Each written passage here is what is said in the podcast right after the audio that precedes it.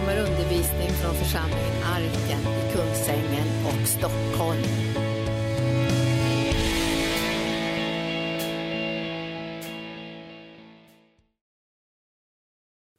God morgon i Herrens älskade. Vi ska gå till Saltaren 103 eh, i- idag. Och jag eh, har börjat tala om den där Eh, under en del onsdagar. Och eh, nu ska vi ta en bit till här eh, på söndagen och så. Om ni tänker, ja men vad, vad sa du på onsdagarna då? Ja, det, man kan gå in och lyssna på det där eh, på Youtube. Eh, och eh, det här är, är Psaltaren 103. Det är en, en lovprisning till Herren för hans godhet. Man börjar med att tala till sig själv, det här, att man säger till sig själv att nu ska vi prisa Herren, nu ska vi tacka och lova Herren. Eh, man behöver ibland liksom ha ett litet snack så där med sig själv eh, för att man ska komma igång åt rätt håll. Det finns eh, så mycket som distraherar en och stör en och man, man tänker så många liksom privata tankar som inte riktigt hjälper en att komma åt rätt håll. Ifrån eh, eh, den eh, tionde, eh, tionde versen ska vi ta och läsa där. Han handlar inte med oss efter våra synder och lönar oss inte efter våra missgärningar. Ty så hög som himlen är över jorden, så väldig är hans nåd över dem som fruktar honom. Så långt som öster är från väster låter han våra överträdelser vara från oss. Som en far förbarmar sig över barnen förbarmar sig Herren över dem som fruktar honom. Ty han vet hur vi är skapade, han tänker på att vi är stoft. Ja, alltså det här är, är ju så välkända eh, ord för bibelläsare. Det här är ju en av de här eh, psalmerna som ofta ligger högt upp på, på listan. Så att säga, om man tänker att man skulle säga ja, vad älskar jag för Psaltarpsalm mest? Även om alltid hamnar 23 hamnar liksom på toppen så, eh, så brukar den 103 komma snart. Och, och 91 har vi talat mycket om. så här. Men du förstår att här står överraskande saker. Alltså det är ju så att vi går omkring och tänker olika tankar om Gud. är inte alltid så lyckat. Alltså, eh, vi ska inte tänka olika tankar om Gud utan vi ska ta reda på hurdan han är. För att det, och den kunskapen hittar vi i bibelordet.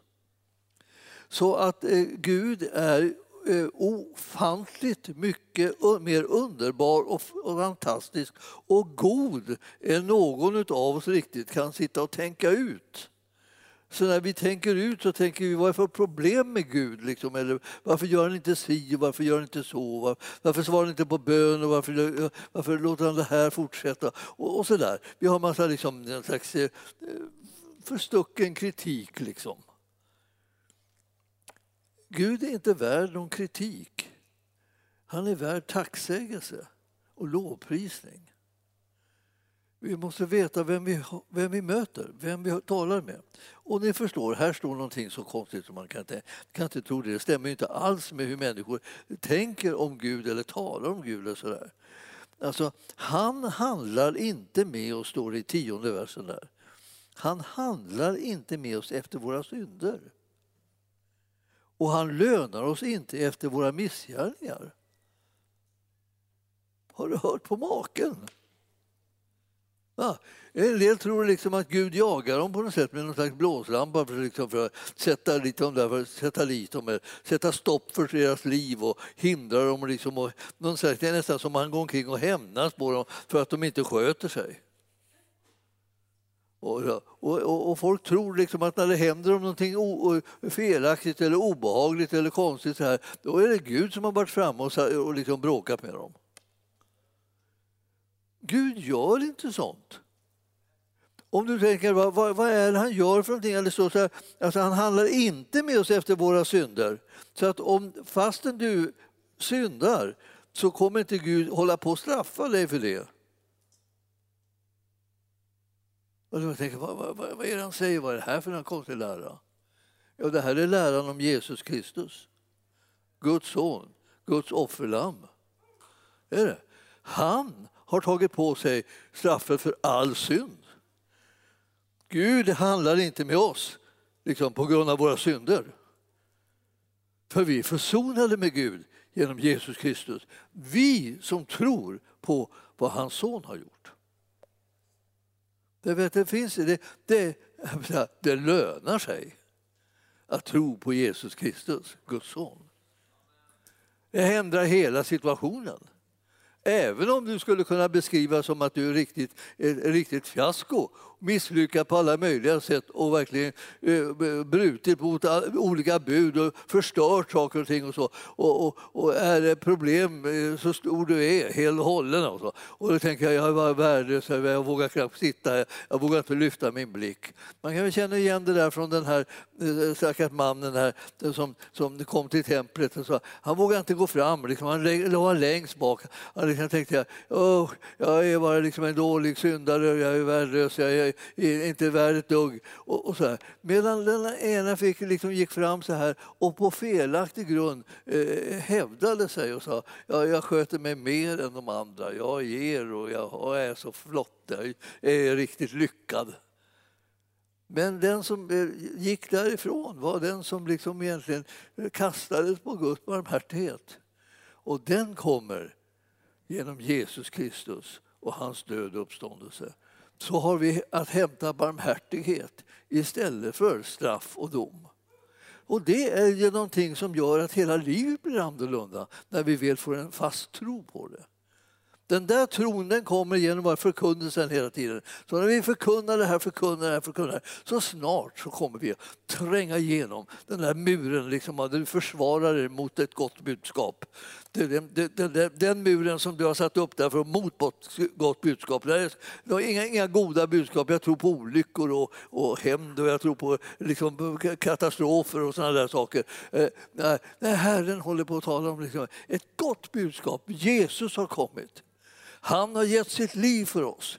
Vi är försonade med Gud. Så fort vi nalkas honom, eh, Gud Fadern, i, genom Jesus så, så får vi bönesvar. Därför att han har förlåtit synden, därför att Jesus har tagit på sig straffet. Det är sanningen det. Och därför så när man kommer här in och tittar så här, det här, det här kan ju bli Alltså det är ju det som Torbjörn talade också om där. Man kan ju liksom rent av bli glad och kristen på en gång om vi säger så. Glad och kristen, vet ni. Det är liksom en sån bra kombination. Det är egentligen riktigt normalt läge alltså. Att man, att man är glad och kristen samtidigt. Eh, förr fick man man får inte vara för glad. För man har väl ingenting att vara glad över med tanke på hur mycket ont det finns i världen och hur mycket man har misslyckats i sitt liv och hur dumma människor är mot en och, och allt vad det är för någonting. Så man liksom fokuserar alldeles fel. Herren håller på att presentera sig genom sin son Jesus Kristus och då får man se att vi har en god Gud som, eh, som, och han har ordnat med en försoning så att vi inte längre behöver liksom komma smygandes eller försöka stå längst bak och hoppas att han inte märker att vi är här. För att då, då kommer han att peka ut oss och avslöja oss och, och, liksom, och verkligen skämma ut oss för, för vi är sådana struntar som vi, som vi är med tanke på våra gärningar. Men, så det står det, han handlar inte med oss efter våra synder och han lönar oss inte efter våra missgärningar. Så är det, står det. Har du sett den här versen? Den är ju liksom helt eh, eh, hårresande. En enda vers är liksom en, en världsberömd psaltarpsalm. Plötsligt ser vi den. Vad i all världen ska man ta sig till när man har en så god Gud så att han inte gör, han jagar oss inte för att straffa oss eller sätta fast oss eller anklaga oss eller någonting sånt. Det håller han inte på med. Han är här för att rädda oss. Han har redan räddat oss. Så den som vill ha räddningen tar emot Jesus Kristus och, bekänner honom som Herre och låter hans verk verka in i vårt liv genom att man bara känner synd, så får man den förlåten. Milde tid, det är det bästa som finns. Så han handlar inte med oss efter våra synder. Han lönar oss inte efter våra missgärningar. Nej, alltså Tack Jesus. Då kan vi liksom vara glada hela dagen. Eh, och när du vaknar på nästa morgon så behöver du inte frukta att nu vaknar nästa morgon. Då kommer all den gamla bråten över mig igen, liksom anklagelserna och missmodet och så. Här. Nej, nu vaknar du upp i samma härlighet som förut. Därför att det är, det är någonting som Jesus har gjort för dig. Han har gett dig liksom en position, en ställning, en, en situation som där, där du är försonad med Gud. Han, han, har gett dig en kärlek och, och, och visat dig en barmhärtighet som inte känner några gränser. Han har helt enkelt räddat dig helt och hållet. Du är räddad. Du är försonad med Gud. Du är förlåten. Du är, har fått nåd ifrån Gud. Alltså, hur mycket är det här nu då? Hur, hur, hur hållbart är det? Är det liksom, räcker det någonstans? Ja, då står så här, alltså hög som himlen är över jorden, så väldig är hans nåd över dem som fruktar honom. Och då tänker man kanske, vad var det där på slutet?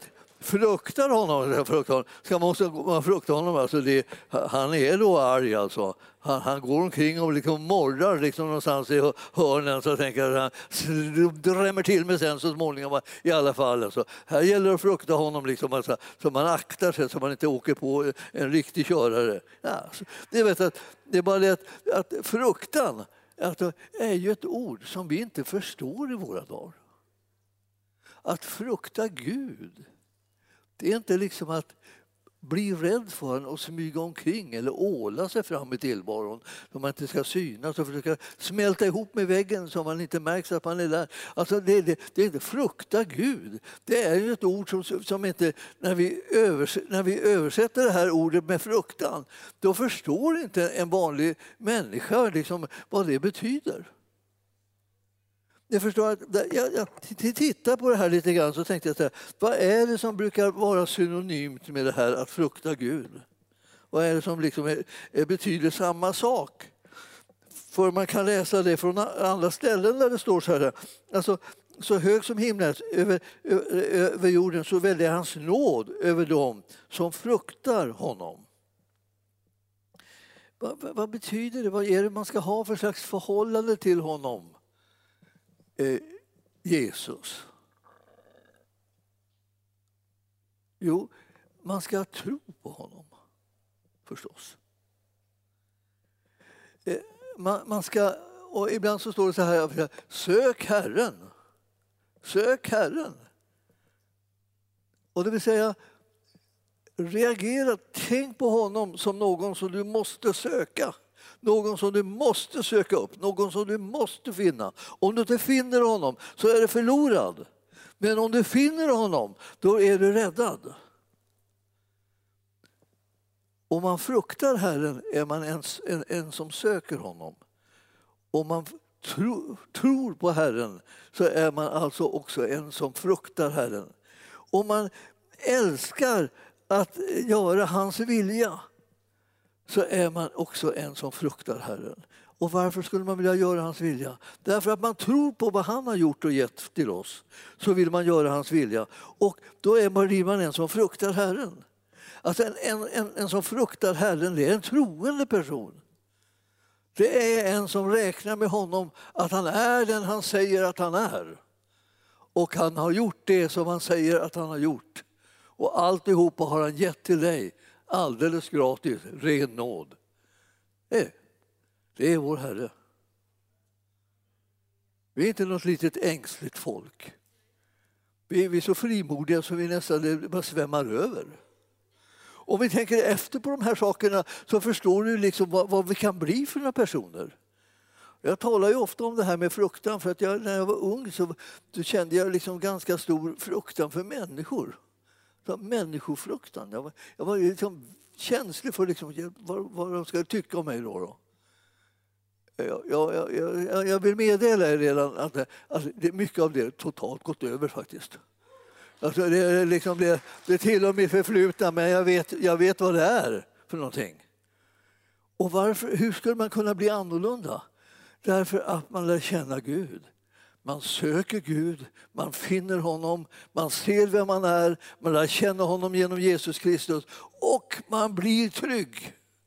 Alltså det, är så, det, det kommer en trygghet in i ens liv som gör att man, man, man kan, kommer inte på längre att man ska vara rädd för människor. Man kan tänka sig, ja, ska jag snegla på liksom, hur, verkar, hur tänker de, ja, verkar de glada nu? Eller verkar de sitter de och surar? Liksom, eller liksom, sitter de och, liksom, och mm, kritiserar mig? Eller vad gör de? Så här. Eh, Tanken kommer inte, utom som ett predikoexempel. Men alltså, annars kommer inte tanken. Vad ska jag tänka sådana tankar för? Jag har fullt sjå liksom med att visa min tacksamhet till Jesus som har gett sitt liv för mig och vunnit seger som är det mest hållbara som finns, som har räddat mig alltså från mörkret in och satt mig i sitt älskade Sons rike. Det här in i ljuset. Och vi, vi, har fått en plats i himlen och jag menar det är säkert. Vi, säger, vi möts där och, och, och du behöver veta det här, att vi möts där. Du behöver veta att du kan vara trygg att när det gäller evigheten, annars vågar du inte leva livet som är, som är här på jorden, så som Herren har tänkt det.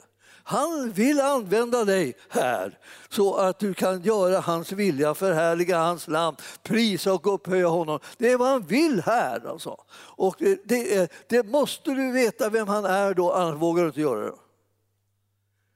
Tusen och en situationer uppstår där du får liksom en, en valmöjlighet om du ska ja, tjäna Herren, följa Herren, ära Herren, eller om du ska våga kännas vid Herren, om du ska stå för vad det är han vill och vad han vill göra, eller om du ska bara böja dig liksom för omständigheterna och för människomeningarna och av fruktan liksom inte våga säga pip och så. Herren håller på och, och gör dig liksom bekant med vem han är så att du kan liksom resa dig upp och stå emot mörkret och om inte göra djävulens gärningar. Jag, känner mig liksom då och då så här trött på liksom att eh, eh, vi, vi pratar för mycket om det som är problemet. Låt oss prata om honom som är lösningen. Låt oss tala om honom, låt oss tänka på honom, låt oss, låt oss liksom, eh, prisa honom och ära honom och, och, lyfta upp honom inför människorna istället för liksom problemet. Problemet är liksom ointressant när man har en sån fantastisk lösning som Jesus är. Han är hela lösningen. Han är hjälpen i alla livets förhållanden. När vi, när vi läser här att han inte liksom ägnar sig ett dugg åt att bråka med oss om all, alla våra svagheter eller synder eller vad det är för någonting. De är, lösningen på det finns redan. Alltså det är bara att bekänna synd så blir man förlåten. Det är om, man, om man inte har tagit emot Jesus, ja, då behöver man bli född på nytt och, och är så, som man slutar vara en syndare och istället blir rättfärdig. Då säger man till Jesus, Jesus kom in i mitt hjärta och fräls mig, förlåt mig mina synder. Då föder han dig på nytt och då plötsligt så, så hamnar du i ett helt annat rike. Det går så lätt. Varför då? Därför han har redan gjort allt som behövs. Det här är en gratis gåva till dig. Vad är det som saknas? Ja, det saknas kunskap i allmänhet. Liksom. Man vet inte vad man ska göra. Jag vet inte, liksom, hur kan man vara säker på att man är frälst? Jag levde i en värld där liksom, det var bara så här. Man visste inte liksom, om man kunde vara säker på att komma till himlen. Alla människor svarade, när man frågar om, om de kommer till himlen, då svarar de alltid jag hoppas det. Eh, man kommer inte till himlen för att man hoppas det. Man kommer till himlen därför att man tror på vad Jesus Kristus har gjort för hans död och uppståndelse. När man tror på den och bekänner honom som sin Herre så har han räddat den in så att säga, och gjort den delaktig av evigt liv. Evigt liv för alla de som tror på hans namn, det vill säga på hans gärning för oss människor. Det här är ju sådana ljuvligheter som står här. Så hög som himlen är över jorden, så väldig är hans nåd över dem som fruktar honom. De som tror på honom, de som älskar honom, de som tjänar honom, de som följer honom. Ja, så väldig är hans nåd över dem. De får nåd. Och så långt som öster är från väster låter han våra överträdelser vara ifrån oss. Dina överträdelser är lika långt från dig som öster är från väster. Hur långt är det? Det är kopiöst långt. Det går ju liksom på något sätt... Man kan inte, det går inte att möta. Liksom, de möts inte för de sticker åt varsitt håll. Öster och väster är inte någonting som är på väg närmare varandra, så här, utan det är på väg ditåt. Så det bara väcks tillväxten hela tiden. När du tittar på det så tänker du det är liksom helt borta. Det är helt borta, det är utom synhåll. För det, dina överträdelser är liksom så väck så att de kan inte bli mer väck. Ingenting. Det blev ingenting.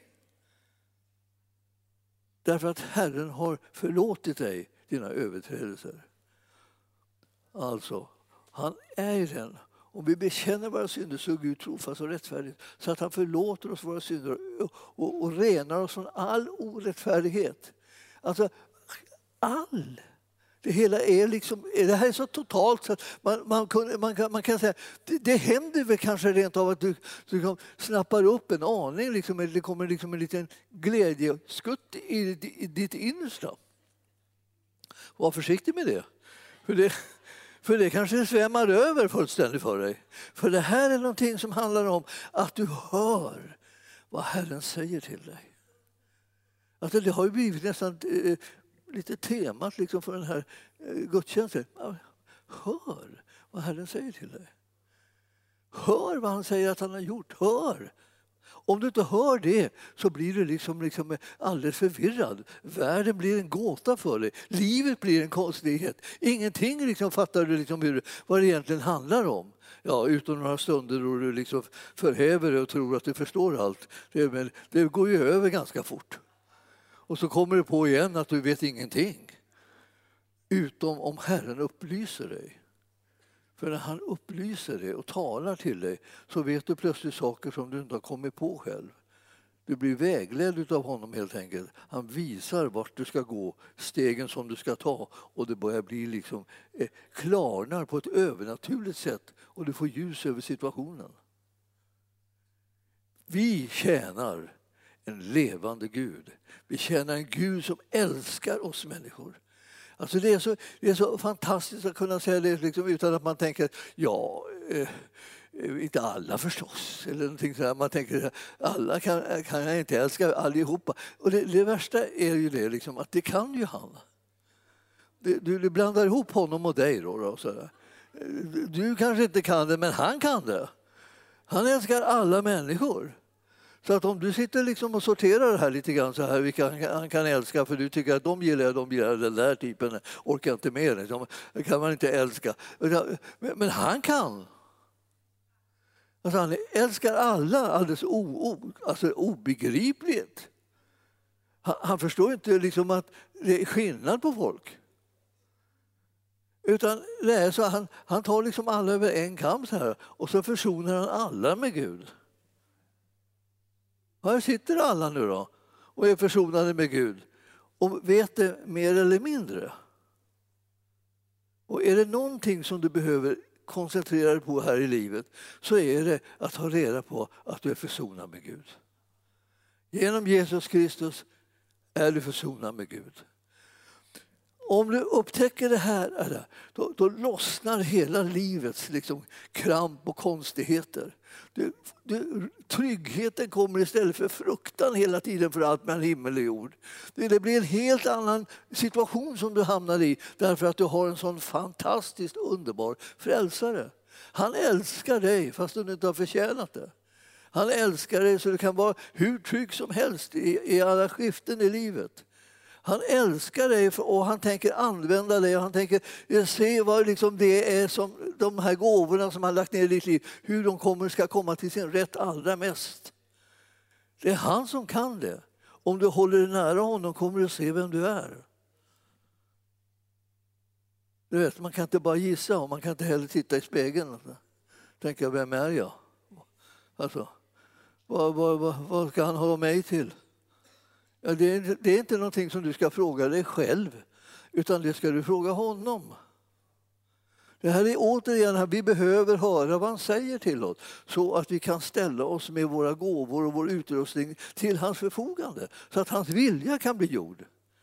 Församlingen har en jättemöjlighet att påverka och förvandla hela världen. Och, och, Det fordras att vi säger ja till att bli använda av honom. Vi säger ja till att lyssna till hur han beskriver vad vi ska göra och hur vi ska arbeta tillsammans så att vi utgör Kristi kropp. När Jesus var närvarande i synlig måtto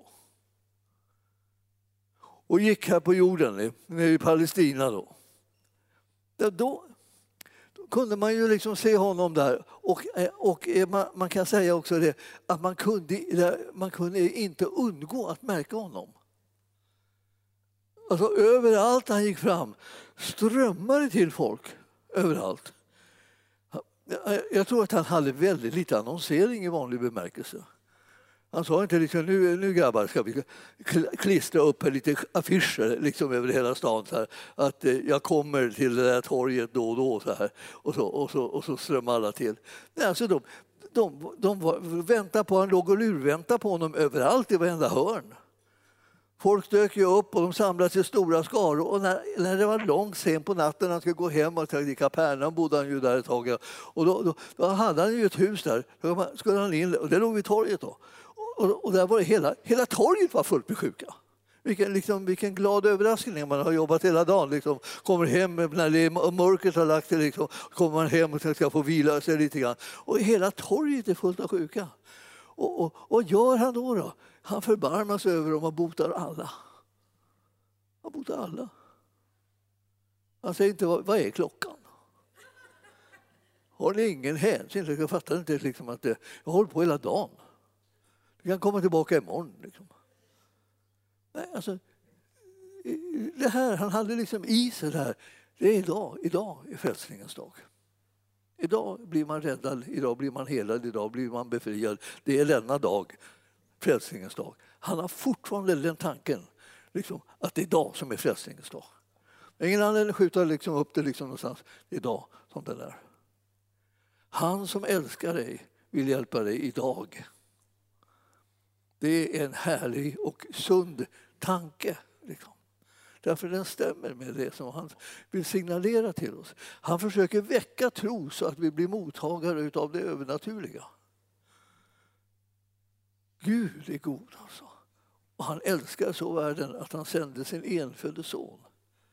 För att var och en som tror på honom inte ska förgås utan ha evigt liv. Ni vet, ni lärde er lilla bibeln en gång i söndagsskolan. Eller? Om ni inte gick i söndagsskolan så kanske ni behöver lära Det är Johannes 3 och 16. Och när man läser så här, alltså, så i 17 versen står det att inte, inte så kom han för att döma världen. Står det där. Va? Det är återigen det här. Man går omkring och känner på sig han har kommit för att döma världen. Han kom ner och, så, och så när han kommer ner så tänker jag, vilket, vilket ställe det här är. Det här är hemskt. Tänk att det kommer från himlen och så hamnar man i, i, i den här soppan som är här på, på jorden. Och så chockade. Det var tur att man kom som barn. Då fick man ju liksom långsamt vänja sig vid eländet. Men ändå, va? ni förstår. Liksom, vilken, vilken chock det måste vara. Den här världen, från himlen. Det är mycket bättre att få den andra chocken. Liksom. Tvärtom. Från den här världen till himlen. Yippee! Liksom. det var liksom, då, då blir det härligt. Liksom. Men att gå från andra hållet måste ju ha varit en fasansfull sak. Herren han har, han har kommit för att rädda oss. Det är inte något, liksom, någon, någon tvekan om vad det är som han vill. Det är ingen tvekan om vad det är han har gjort heller. Och när vi läser här redan i Psaltarpsalmen så kommer de profetiska orden om honom. Jag känner att, liksom att jag, ja, vissa tider tänker man så här, jaha, de här gamla testamentliga texterna, ja, de är så, ofta så jätteprofetiska så, Eh, så att det är som om det, de hade, hade suttit där och bara kikat in i den här framtiden då försoningen ägde rum. Då Herren kommer och uppenbarar sitt hjärtas innersta längtan om att frälsa människorna.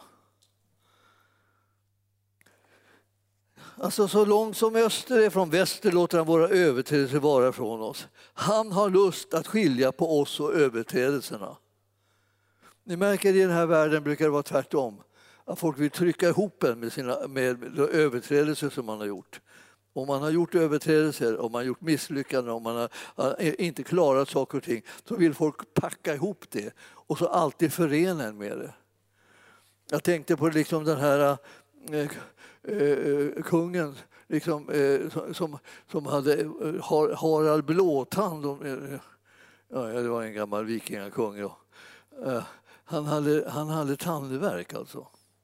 Och problem med tänderna var så, alltså, så de var blå. Eh, han var lite lömsk hela tiden på grund av det, för att han hade värk och var ganska farlig att ha att göra med. Men alltså, hela tiden, vad, vad roligt alltså att få liksom ett, ett, ett extra namn som heter blåtand då, då, när, man, när man sitter med tandvärken där. Och, eller, eller om man kallas för den lesbo och halte. Va? Man var handikappad kunde man liksom inte få vara i fred. Liksom, men här då ska man kalla sig Erik, vad heter han väl? Va? Kung Erik den Läsbok-Halte.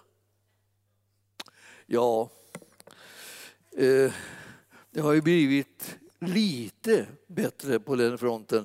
Man har det ofta inte riktigt som namn. Men, men, men, men, men ändå så är det så här att kännetecken på mig, så säger man, ja, du vet den där som inte ser riktigt klok ut, eller du vet den där som är så här. Man ska försöka beskriva en människa för någon annan så liksom får man ta till någonting som är lite avvikande i, i den människans liv och så beskriver man med det. Och så känner man igen varandra på avvikelserna. Här, här, vi, har, vi har en Gud eh, som eh, älskar oss och som gör det yttersta för att vi ska kunna bli fri från alla de misslyckanden och begränsningar som vi har dragit på oss när vi har kommit in i den här världen och levt under den ondes våld. Han håller på att förändra livet för oss. Och så står det att som en far förbarmar sig över barnen så förbarmar sig Herren över dem som fruktar honom har ofta tänkt på det där liksom att jag skulle ha velat liksom ha den där versen liksom tvärtom. Liksom på något sätt. Eh, alltså att det inte så som en far eh, för, står för, förbarmar sig över barnen, så förbarmar sig Herren. Ja, man skulle vilja att likheten skulle vara det att, liksom, att det var far, en far liksom liknade Herren. Herren är den som är modellen liksom för hur en far ska vara. Och när han, när han lever ut det eh, så, eh, så är, är det, blir det, kommer det en, ett förbarmande av, från Herrens, Herrens sida och från Faderns sida över dem som eh, fruktar honom, det vill säga de som litar på honom och tror på honom och vågar vara med honom. Kan jag känna ibland så här att vi, vi många fäder är ju inte alltså, alltid så starka i, i det här att vara pappor. Det är inte så enkelt att vara pappor och det är inte enkelt att vara mammor heller. Nu för tiden är det ju liksom som att, att barnen hamnar i en kolossal dragkamp och jag skulle tänka mig att det egentligen har pågått hela tiden i mänsklighetens historia en jättestor dragkamp mellan ljus och mörker. Och när man får barn så hamnar de mitt i den här dragkampen. Och som förälder så ser man där, hur ska jag kunna klara av att få dem att liksom hamna på rätt sida? Hur ska jag kunna hjälpa dem så att de liksom inte fastnar i mörkret? Bara därför att det är så många fler som verkar sitta fast i mörkret än de som har kommit in i ljuset. Det är som att det vore liksom en liten, en liten, liten spillra som har kommit in, in, in i ljuset av alla de människor som finns och, och de flesta andra har hamnat i mörkret. Och man får en sån utmaning som förälder att kunna klara av att få dem in i ljuset. Vi ber för våra barn, då, va? men vi tänker också det, eh, vi får be för varandra som föräldrar att vi ska kunna klara uppgiften. För eh, vi, vi har liksom eh, ganska svåra odds om man ser i det naturliga.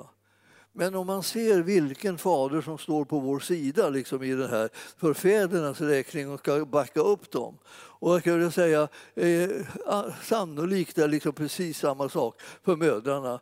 Att de har samma herre på sin sida som, som står där och backar upp dem så att de ska kunna övervinna och liksom bevara barnen i, i den, eh, den tron som de själva har.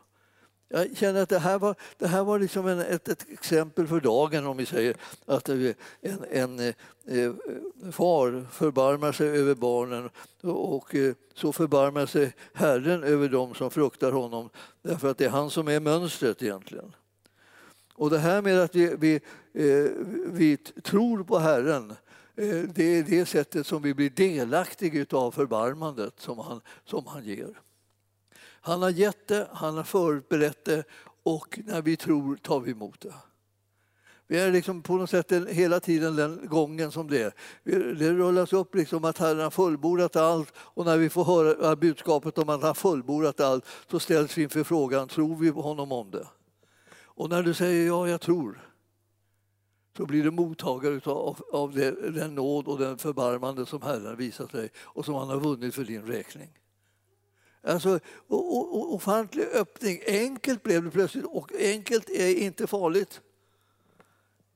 Jag har mött så många människor som, som, har, som, har, som har sagt att, de, att de, de vill inte ta emot det här för att jag ska inte försöka bagatellisera deras eh, lidande deras nöd, deras svårigheter, deras, deras omständigheter genom att bara säga kan vi be en bön så kommer Herren hjälpa dig. Jag försöker inte låtsas att liksom han kommer och hjälper mig med det problemet som jag har som är så jättestort och så genomgripande och så är så fasansfullt. Och så, så kommer du och säger vi ber en bön, Herren hjälper. Får man inte säga att Herren kan hjälpa och att det, han kan hjälpa lätt Nej, eh, man måste ta eh, säga, själva sjukdomen, lidandet, omständigheterna på större allvar. Annars tycker människorna att man liksom hånar dem när de, när, när de har så stort problem och kommer, och kommer med en lätt lösning. Ta emot den lätta lösningen. Det är liksom mitt råd. Alltså. Den lätta lösningen är att låta honom lösa det. Han som redan har löst det. Tro honom om det. Därför det är det som är det fantastiska, att vi tror på en undrens Gud. Vi inte bara liksom tänker att ja, det vore bra om han gjorde ett under, utan det, vi tror på undrens Gud. Han är, han är mäktig att göra under. Och när vi vittnar för varandra om det här, vilket vi bör göra, berätta vad Herren gjort för under i ditt liv så har du liksom alla möjliga olika typer av under, stora och små om vartannat. Här. Men vi behöver höra dem, annars så tror vi det händer ingenting. Vittnesbörden är jätteviktigt för oss för att vi ska kunna tro att Herren är den han säger att han är. Och då kan vi säga till människor som behöver honom akut, han är som han säger att han är. Se vad han säger att han är. Han, ser, han är den som skiljer dig från alla dina synder. Han är den som eh, kommer med helande och kraft och förbarmande till dig och av ren nåd. Det är han. Han är den som alltid är villig att hjälpa dig och röja undan alla hinder. Det är han. Han är den som kan göra under i vilken situation som helst. om, jag, om jag kunde göra reklam för Herren eh, så att, så att det väckte tro, alltså, jag skulle oh, otroligt, otroligt glad jag skulle vara. Det skulle kunna Alltså, Eh, han står i 14 versen så här. Han, han vet hur vi är skapade. Vad märkligt, det var ju han som gjorde oss. Och så står det, och han tänker på att vi är stoft. Så att han tänker på att vi är stoft, det betyder det han har med i beräkningen att det finns svagheter i våra liv. Saker och ting som inte är så liksom perfekta. Vi är inte bara något slags genomhelgat andeväsen utan vi har också, också jordiska liksom delar som är, eh, där vi är skapade av att han tog av jorden och formade människan. Den blåste han in livsande i henne. Men hon, hon har också det, det som har med den jordiska bristfälligheten i sitt väsen alltså. Han vet om det. Du behöver inte be om ursäkt för det hela tiden.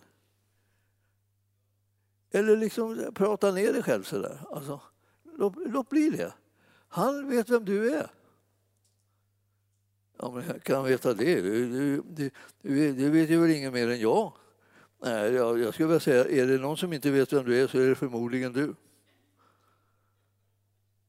Man ska lyssna på hur Herren beskriver den. När man hör hur Herren beskriver den, då, då blir man häpen. Därför att det stämmer inte riktigt med hur man själv har bedömt sig. Man känner jag är si och så, jag är så här. Jag vågar inte säga hur det är, men det, det är på alla de där sakerna, alla de här bristerna har jag, alla de här svårigheterna har jag, allt det här liksom kan ligga iväg.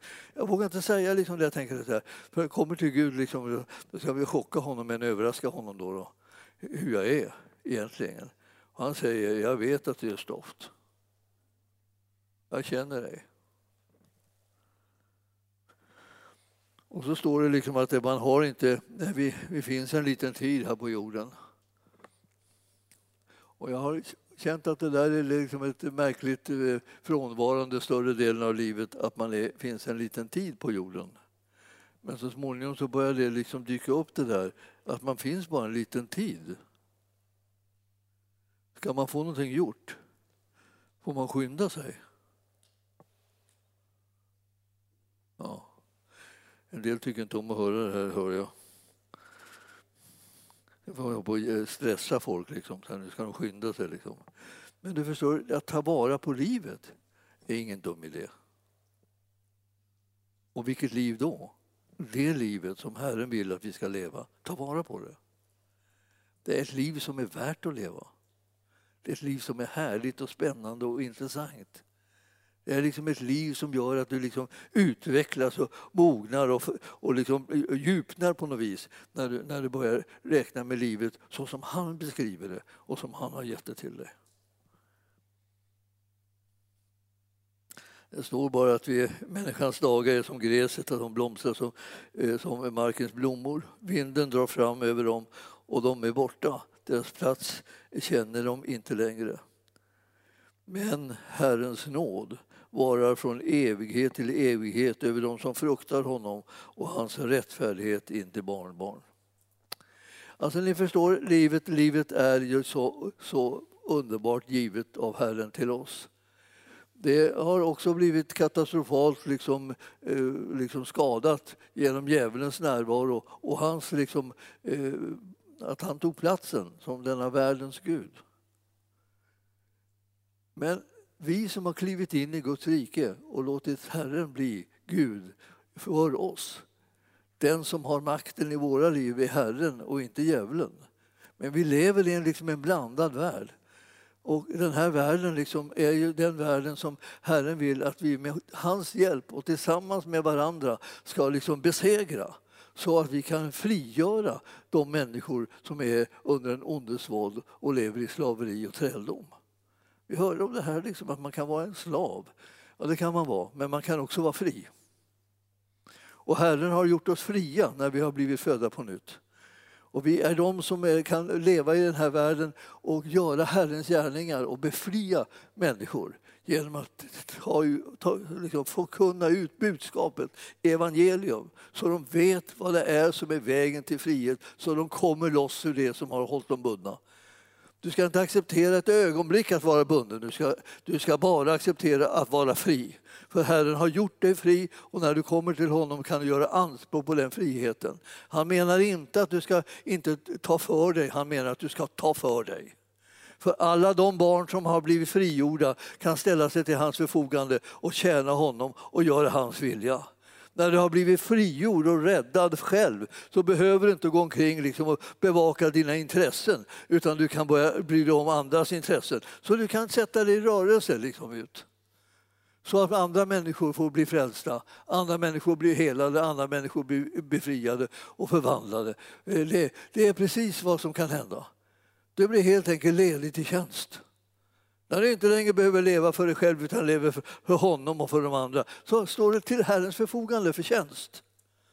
Han längtar efter att du ska se att han har gjort allt för dig så du slipper hålla på och böka med dig själv hela tiden. Man blir ju så trött på sig själv ändå så man, man storknar. När man, när man tar, tänker, tar en liten titt där så tänker man, vad i all världen ska jag dras med den där typen hela livet? ja, inte nödvändigtvis alltså. Du kan också ta emot den frihet och förvandling som Herren har gett dig när han har fött dig på nytt och du börjar bli en ny skapelse. Lev utifrån den verkligheten, den nya skapelsens verklighet. Du, du är en ny skapelse, Herrens ande bor i dig och du har blivit född på nytt i ditt andliga liv. Så att säga. Och nu kan du göra Herrens vilja och du behöver inte alls oroa dig för eh, hur det ska gå med dig för han har redan frälst dig. Du kan tänka på hur ska de andra klara sig om de inte får höra evangelium? Ja, det går ju inte. Så då måste du tala om för dem hur evangelium lyder. Du måste säga vad Jesus har gjort så att de kan bli frälsta och rättfärdiggjorda och befriade från den här mörkrets makter som råder i den här världen. Vi är det befriade folket. Vi är det förvandlade folket. Vi är det älskade folket. Vi är de som har råd att älska andra också för att vi själva har mött så mycket kärlek från Herren. Så tänk dig för innan du sätter igång någon slags kampanj för, det, för din egen räkning utan kämpa för de andra, att de får höra evangelium. Herren älskar ju alla människor, inte bara dig och mig, utan alla, alla, alla. Himmelska Fader, vi ber att du ska göra det under med oss i vårt inre så att vi liksom får syn på det som är din gärning, det som du har gjort och fullbordat i, i vårt eget liv. När du har fött oss på nytt, när du har förvandlat oss så att vi inte längre är några syndare utan har blivit rättfärdiga, godkända av dig Gud, älskade. Och vi vill bara kasta oss in i den kärleken Herre och bara suga in den i våra liv så att vi känner att vi är uppfyllda av dig. Precis som du Herre har tagit emot oss in i ditt hjärta.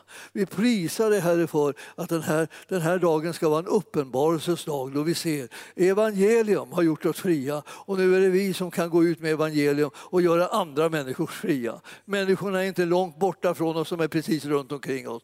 Vi behöver inte springa långa sträckor eller skaffa oss massa fordon och så för, att resa bort och försöka nå dem, utan vi har dem runt omkring oss som ännu inte har hört evangelium. Hjälp oss att se det, hjälp oss att frimodigt dela med oss av den kunskap kunskap och den uppenbarelse som vi har fått i Jesus Kristus. I Jesu namn. Och församlingen sa Halleluja. Tack Jesus, tack Jesus. Prisade Gud. Halleluja. Jag ska bara säga som avslutning lite grann, egentligen bara en anknytning till det här. Ehm, vi tog upp två offer idag så här. Och det senaste, det andra offret när jag, när jag tänkte på det där med att vi skulle ta offer så tänkte jag så här, det här är ju precis det fantastiska. Eh, det hände någonting eh, med, med en, en, en, en vad ska jag säga, en, en kung som, som eh, uppstod i, i, i Babylonien. Alltså han hette Kores. Han, han fick ett tilltal av Gud. Alltså, hans företrädare hade liksom plundrat Jerusalem och tvångsförflyttat stora delar av folket till Babylonien i den babyloniska fångenskapen. Ni vet. Och så hade han liksom, eh, eh, hans företrädare hade tagit det och sen hade de liksom skövlat i landet och det var liksom riktigt illa. Och så plötsligt får den nya kungen i landet ett tilltal av Gud, alltså eh, Israels Gud. Och han, han, han, och han, han får höra att han ska bygga upp templet igen. Och de ska få tillbaka alla grejer som de hade i templet, alla, alla guldföremålen och liksom allt det dyrbara som fanns där. Det skulle tillbaka till, till, till landet. Alltså, han uppfattade det här så starkt som ett tilltal från Gud att han satte igång och gjorde det mest häpnadsväckande. Alltså. Jag har aldrig hört på maken alltså, att någon liksom gör så när man har redan besegrat folket och tagit bytet och alltihopa. Och säger, ja, vi, nu får vi skicka tillbaka. Så nu skickar de tillbaka folket och skickar med en ledare som skulle kunna liksom leda arbetet. Och så fick de med sig alla, eh, alla rikedomarna också. Och så satte de igång och så byggde de upp templet igen och, och sedan också muren. Då. Och det här var ju liksom... Va? Vad va är det här? Det var ett ord ifrån Gud som satte en person i rörelse så att det, liksom det slog hela världen med häpnad. Egentligen. Vad tar han sig till? Så där gör väl ingen vettig människa? Nej, men så där gör en människa som kan bli ledd av Gud ibland. Så blir det någonting helt annat än vad folk tycker är vettigt och lämpligt. När han talar till dig och mig ibland så blir det så där att vi plötsligt ger oss på någonting, att vi tar ett, ett modigt steg ett frimodigt steg och gör någonting som är Herrens vilja som blir till välsignelse för många människor. Men vi, när vi gör det så ser det inte klokt ut. Det är inte lätt liksom att, att, liksom att ta sådana där steg. Jag undrar hur det gick med hans prestige, alltså den här kåret i hemlandet jag menar att, att, att judarna tyckte det var underbart, det, för, det, förstår vi alla. Och att vi tycker det är underbart som inte liksom var direkt berörda, det kan vi också kosta på oss. Men hur var det liksom med babylonierna själva som hade krigat och vunnit och, och, och segrat och liksom nu hade förtryckt och hade gratis arbetskraft i, kan man säga, liksom i sitt land. Och så kommer, kommer den här kungen och säger nu ska vi lämna tillbaka alltihopa. Ja. Jag hoppas han hade liksom en, en, en bra sån här stab runt omkring sig som var väl beväpnade som kunde avvärja alla, alla mordförsöken och sådär. Men ni förstår, det här, det här var så häpnadsväckande. Alltså, man kan undra, var kom han ifrån? Alltså, vad var det med honom? Varför lyssnade han, lyssnade han till den Gud som han inte trodde på? Ja, han kanske smygtrodde på honom, han vet ju inte. Men hur som helst, ordet från Gud var så starkt att han inte liksom kunde låta bli att följa det. Det finns sådana där ord till dig om ditt liv också som Gud vill tala ut för att du ska göra saker och ting. Och ibland så är det så här att en del behöver komma på till exempel ordet från Gud om ni ska, att ni ska låta er församlas. Så att Herrens vilja kan ske genom Kristi kropp som är församlingen. Det ordet har gått ut. Alltså. Ett och tre så hör du det. Och när, Herren talade till oss om att vi skulle starta församlingen, alltså, var ett ord ifrån Gud. Det var, det, det var inte klokt. Alltså jag menar, det var inte klokt. Jag vet inte om ni förstår hur, hur inte klokt det var. Kolossalt inte klokt om vi säger så. Alltså, det, det var, fanns inte någonting i det. Fanns, det fanns inget innehåll, det fanns ingen, ingen försäkran, det var ingenting som var, som var löst, inga, inga praktiska saker var lösta, eh, inga ekonomiska saker var lösta, ja, ingenting. Och jag bara gick, klev ut i det här när jag fick det där tilltalet från Herren. Och eh, sen stod jag där, precis som i öknen ungefär. Jag brukar tala ibland om att man är som en pelikan i öknen. Alltså en pelikan i öknen den är felplacerad. För en eh, pelikan är liksom en vattenfågel och eh, det kan inte, eh, kan inte dyka i öknen. Det finns ingen fisk, det finns ingenting. Jag bara står där, bara, liksom, det är bara en fråga, tidsfråga innan den dör. Och så känner man sig som en pelikan i öknen. Alltså. Och så man där och säger, vad gjorde jag? Varför klev jag ut i det här? Här, här, här, är, här är ju ingenting. Och vi hade ingenting. Men eh, ja, vi hade Herrens ord. Därför är jag, jag liksom har en tro på, på vad församlingen ska göra för någonting. Alltså vad, det ska, vad det ska bli av den, så att säga. Vad, det, vad, vi, vad vi ska kunna åstadkomma, hur vi ska kunna få ut budskapet. Jag har en stark tro på att det kommer att liksom bli så att församlingen blir så stark så att, så att ingen kan komma undan det. När vi nästan ingenting var alldeles i början, då började hela samhället reagera och säga och hjälp, alltså, nu kommer arken här och tar över allting, sa de. Det var, det var vårt rykte som vi fick när vi var kanske 25 medlemmar. Vi tar över allting. Och de, var så, de var så otroligt upprörda så de nästan kunde inte andas och var som flammiga liksom, när de pratade om oss där uppe.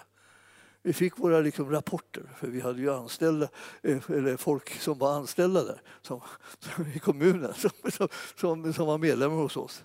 Och så, så, det här, det som inte kunde andas. Va? De skulle tala om oss.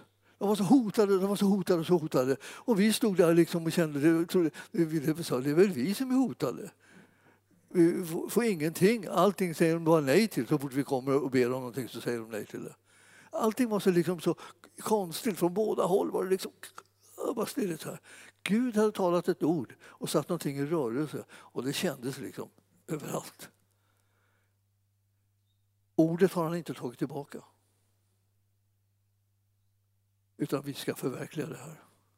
Som Herrens kallelse som vi har i Hesekiel 34 och 4 och 16. Vi ska förverkliga det. Och jag vill säga till er, liksom, förnya det är en överlåtelse till det där. För det är det vi behöver.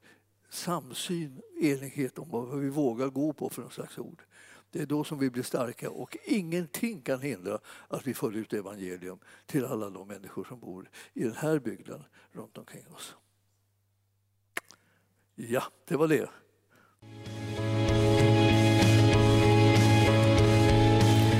Tack för att du har lyssnat. Vill du få del av mer information om församlingen Arken, vår helande tjänst, bibelskola och övriga arbete, gå in på www.arken.org.